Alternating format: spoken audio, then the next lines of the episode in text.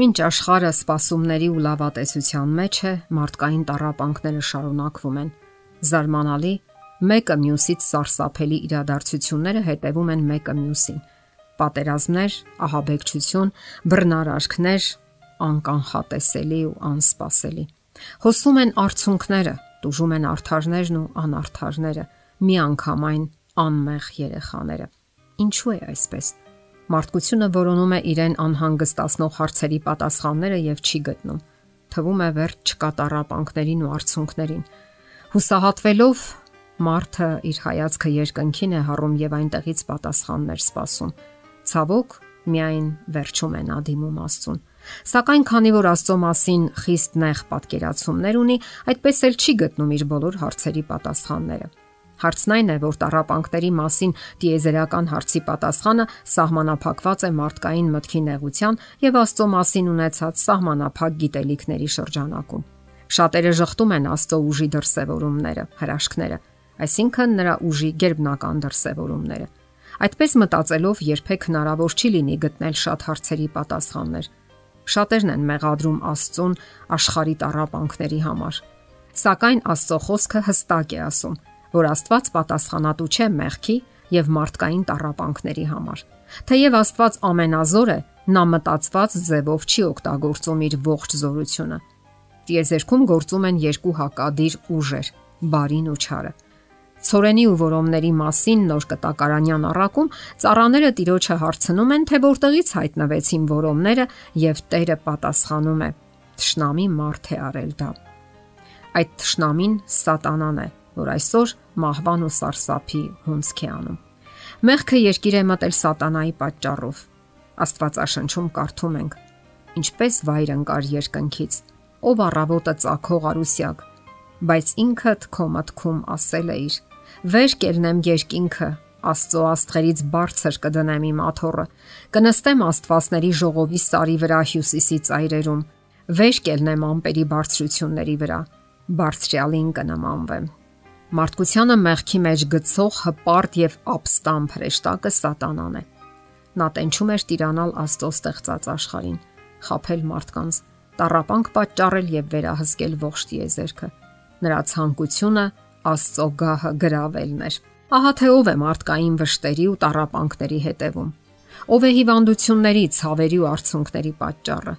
Ցավոք շատերն են մոլորության մեջ ընկնում եւ Աստծուն վերագրում այն, ինչի հիմքում իրականում սատանայի խարդավանքներն են։ Հարկավոր է հստակ հասկանալ, որ ամենայն լավի ու բարու ճշմարտի աղբյուրը Աստված է, իսկ ցավի ու տարապանքների ճարիքի պատճառը սատանան։ Աստված ազատության որոշակի աստիճան է տալիս սատանային։ Նա թույլ է տալիս, որ մարդիկ ընտրություն կատարեն եւ որոշումներ ընդունեն, իսկ դրան հետևում է պատասխանատվությունը իրենց ընտրության համար եւ բարու ու չարի այդ տիեզերական պայքարում մենք նույնպես մարտադաշտում ենք։ Պայքարը գնում է յուրաքանչյուր մարդու փրկության համար։ Աստվածաշունչն ասում է, որ Քրիստոսն արդեն եղել է այդ մարտադաշտում։ Նա դեմ առ դեմ հանդիպել է սատանային։ Վստահաբար հաղթել է նրան խաչի վրա։ Քրիստոսի միջոցով մենք ունենք երաշխավորված հաղթանակ։ Եվ մի օր կավարտվի այդ պատերազմը։ Իսկ մինչ այդ շարունակվում է տարապանքների շարանը։ Մարտադաշտը ծածկված է դիակներով։ Երբեմն անմեղ։ Մահանում են երեխաները, մահանում են երիտասարդները։ Որն է նրանց մեղքը։ Որն է քաղցկեղից տարապող երեխաների մեղքը։ Ինչու են մահանում 18, 19, 20 տարեկան երիտասարդները, երբ նրանց ձեռքը զենք են տալիս եւ ուղարկում մարտադաշտ ինչ վերաբերմունք կարող ենք ունենալ մենք մեր շուրջ բոլորը կատարվող ողբերգությունների հանդեպ։ Որտեղ է Աստված, երբ տարապում են անմեղ մարդիկ, զոհվում են ռմբակոծությունից ու բռնությունից, երբ քաղցից մահացող երեխաները հույսով լի հայացքները հառում են մեծահասակներին, իսկ այդ մեծահասակները մահանում են գիրությունից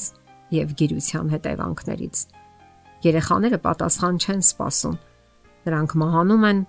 եւ հույսով ու հավատով հայացքները երկինք առում։ Իսկ մեծահասակները չեն գտնում իրենց հարցերի պատասխանները։ Սակայն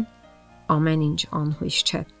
Աստծո հետ անznական փորձառություն ունեցող հավատքի այրերը իրենց հարցերի պատասխանները որոնում են Աստվածաշնչի էջերում։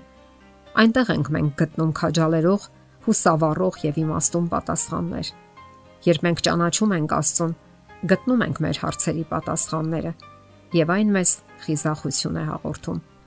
Դավիթ Թագավորը նույնպես Աստծուն էր դիմում իր նեղության պահերին։ Տեր, կանչում եմ քեզ։ Ականջդ դեպի իմ ձայնին դիր։ Եվ ապա շարունակում է. Գիտեմ, որ Տերը դատաստան կանի խեղճի համար եւ իրավունք աղքատի համար։ Հիրավի, որ արթարները կգոհանան քո անունից